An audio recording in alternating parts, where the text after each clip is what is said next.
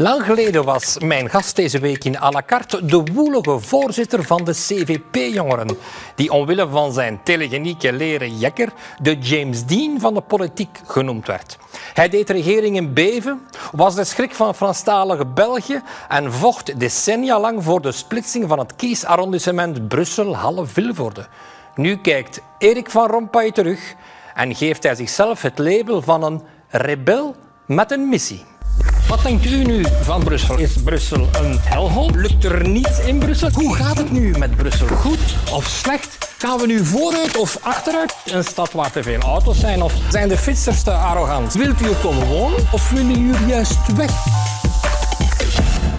Welkom bij à la carte, Erik van Rompuy. U heeft een boek geschreven waarvan u zegt dat u het niet uw memoires mogen noemen, maar het gaat wel over uw tijd als 40, 40 jaar uh, in de politiek.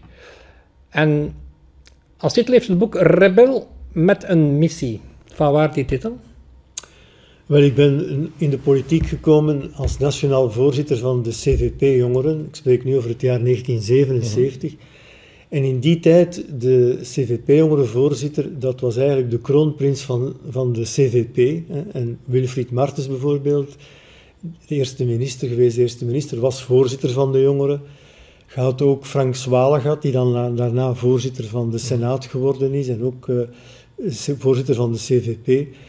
En dan had je notoire topmensen, gelijk Jean-Luc Dehane, mijn broer Herman, Leo Tindemans, Luc van den Brande, die waren nationaal ondervoorzitter. De CVP-jongeren waren in die tijd eigenlijk de hofleveranciers van de topfuncties in de partij.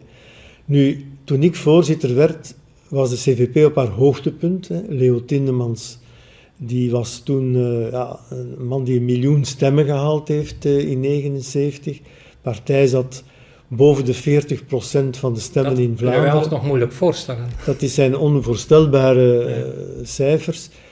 En ik vond wel dat de, de, jongeren daarvoor, mijn broer was ook in het bureau van de jongeren voordat ik voorzitter werd, Jan Huigebaard was daar, de, de latere havenschepen en voorzitter van de KBC, Luc van den Brande, dat die eigenlijk in de roes van de verkiezingsoverwinningen te braaf geworden waren. En de CVP-jongeren in tijden van Martens waren wat rebellen. En op dat congres, en ze zaten daar allemaal op de eerste rij, Wilfried Martens, Tindemans, heel de top van de partij, alle ministers. En ik deed bewust een leren jekker aan en een jeansbroek en ik hield een radicale toespraak tegen het sociaal-economisch wanbeleid van die regering Tindemans met de socialisten.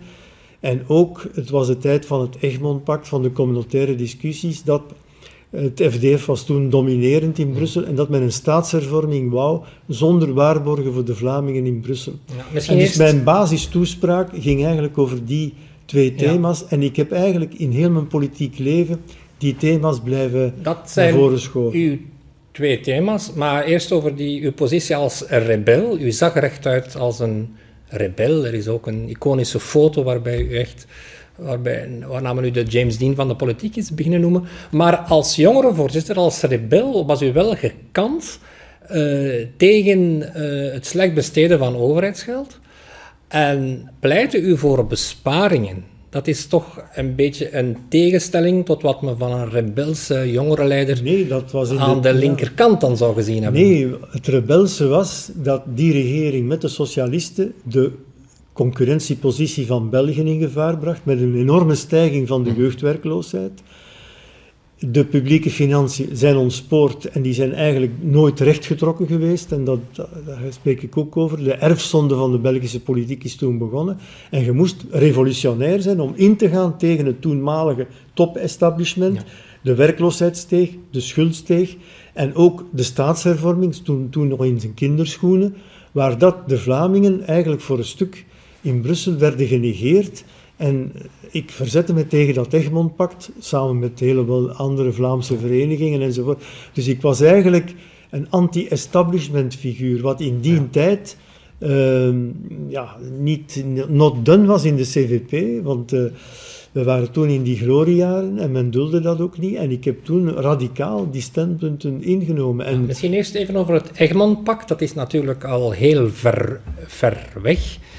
Maar als we over Brussel vandaag, wat Brussel vandaag geworden is, willen spreken, moeten we misschien eens teruggaan in de tijd. U heeft het statuut van Brussel in feite zien groeien, zien veranderen over die, over die hele periode. Hoe kijkt u daarop terug eigenlijk, op die evolutie van Brussel? Wel, het moment dat, dat ik voorzitter werd, en ik spreek nu van de jaren 77, 78, eh, was er een regering, een, een regering uh, met het FDF erin. En uh, uiteindelijk is die regering uh, gevallen, omwille van een aantal redenen, maar de hoofdreden was het, het Egmond-pact, waar structuren werden gecreëerd waardoor het FDF, die toen in 1971 de meerderheid had gehaald in de Brusselse agglomeratieraad, eigenlijk alleen heerser was in Brussel en absoluut geen enkel waarborg voor de Vlamingen wou in het bestuur. En daar heb ik een oorlog gevoerd. Eh, achteraf, na het Egmond-pact Tindemans is gevallen, is de regering Martens gekomen.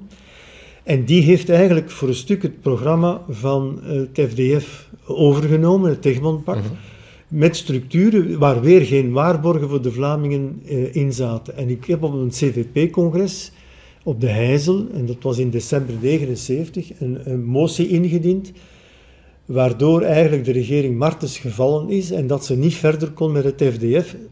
En dan, dat heeft dan geleid, een paar maanden later, tot een nieuwe staatshervorming waar, waar eigenlijk Brussel tussen haakjes gezet is. Men heeft Vlaanderen-Wallonië meer autonomie gegeven. Maar dat is eigenlijk dan acht jaar in de frigo gekomen en in 88 is het Brussels gewest gekomen zoals we dat nu kennen. Met, met waarborgen, met voor, waarborgen de voor de Vlamingen, de pariteit in de, in de regering, met een gewaarborgd aantal Vlaamse parlementsleden, dat men ook geen beslissingen kan treffen tegen de Vlamingen in. En ik, in het gevecht dat ik toen geleverd heb, uh, ja, die structuren die, die hebben eigenlijk altijd stand gehouden, zijn wat uitgebreid en wat verfijnd. Maar eh, zonder ons gevecht had waarschijnlijk nooit die, die, die waarborgen geweest met de oprichting ook van de Vlaamse gemeenschapscommissie. Onderwijs, cultuur wordt door de Vlamingen zelf beheerd.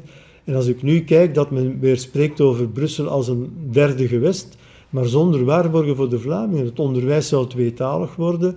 Het gewest zou eigenlijk de, de gemeenschapsmateries overnemen.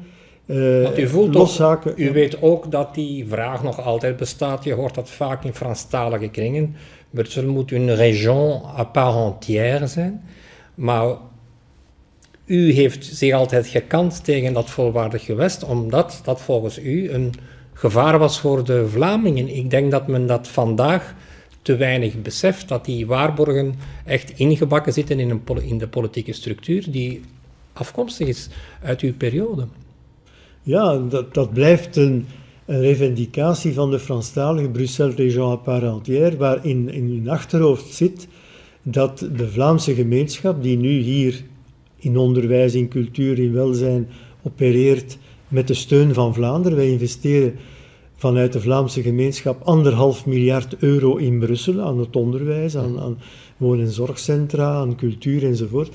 En dat is een doorn in het oog van een aantal francofonen en zij willen die structuren eigenlijk uh, een soort van tweetalig onderwijs maken. En ze vinden ook, gelijk uh, Mangin en het vroegere FDF, nu DEFI, die vinden dat er geen, geen uh, gewaarborgde vertegenwoordiging meer mag zijn van de, de Vlamingen in het Brusselse parlement.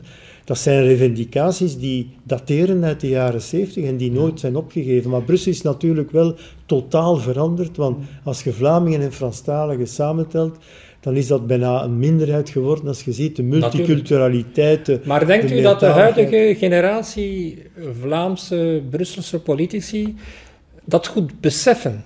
Uh, het gevaar dat, dat, dat, Brussel, dat de Brusselse Vlamingen zou bedreigen als ze uh, die, Franse, die Franstalige eis zouden aanvaarden van hun, hun région à part entière. Denkt u dat die politieke klasse van vandaag even Vlaams gezind denkt als u? Ik weet het niet, want ik heb er eigenlijk heel weinig contact voor. Maar als ik hoor dat, als men spreekt over het tweetalig onderwijs in Brussel, zie ik toch geen enkele Vlaamse partij die dat, die dat ziet zitten. Ik denk dat we hebben een Nederlandstalig onderwijs uitgebouwd, waar ook heel veel anderstaligen, Franstaligen, maar ook buitenlanders, naar ons onderwijs komen. Het is een, ook een middel om Brussel meer, meer, meertalig te maken en niet alleen francofoon.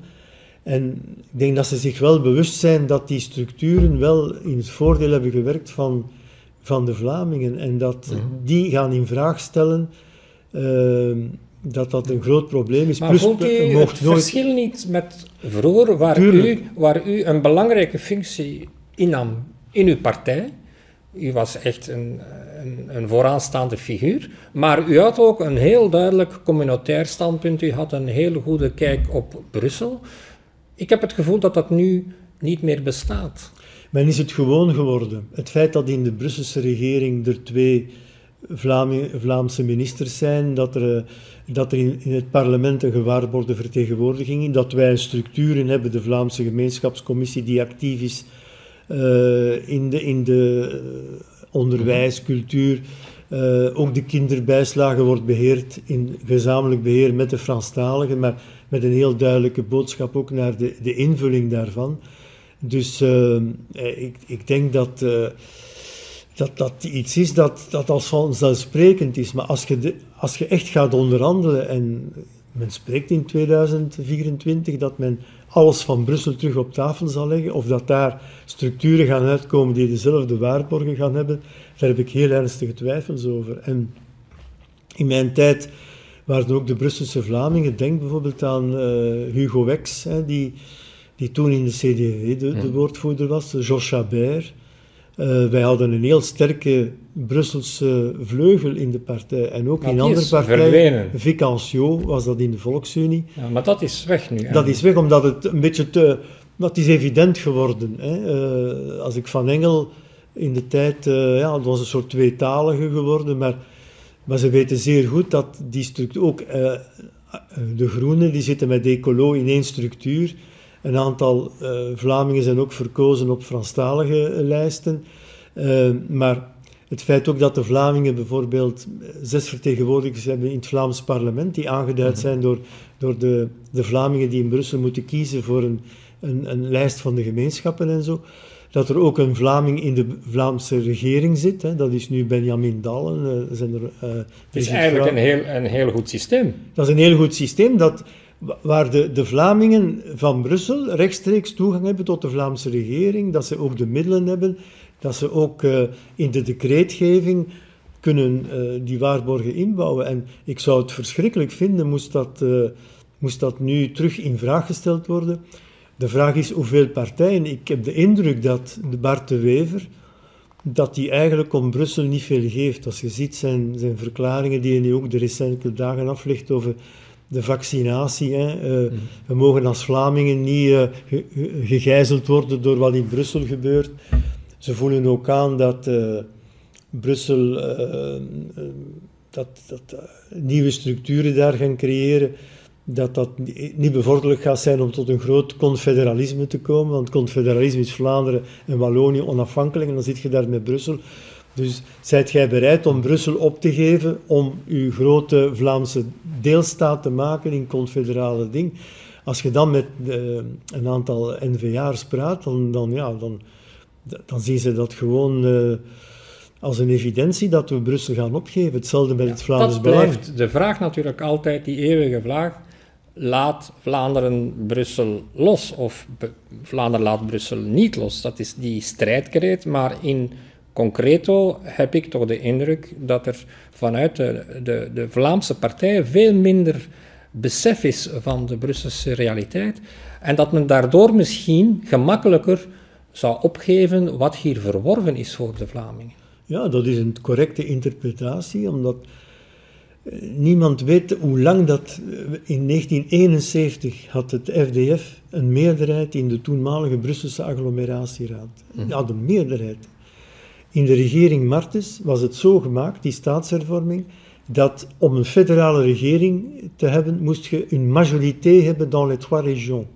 Dus een majorité significatieve in de drie regio's. Dat betekende dat het FDF de sleutel had, zelfs bij de vorming van een, van een, een regering. En de waarborgen voor de Vlamingen, dat was bijna niet bespreekbaar. En door de actie die gevoerd is ten tijd van het Pact en daarna hebben we ook de regering kunnen vormen in 88 met de steun ook van de Volksunie, hè, die toen ook, ook trouwens de, de generatie politici toen waren zeer, Vla Karel van Miert bijvoorbeeld was zeer Vlaams gezind eh, van de socialisten.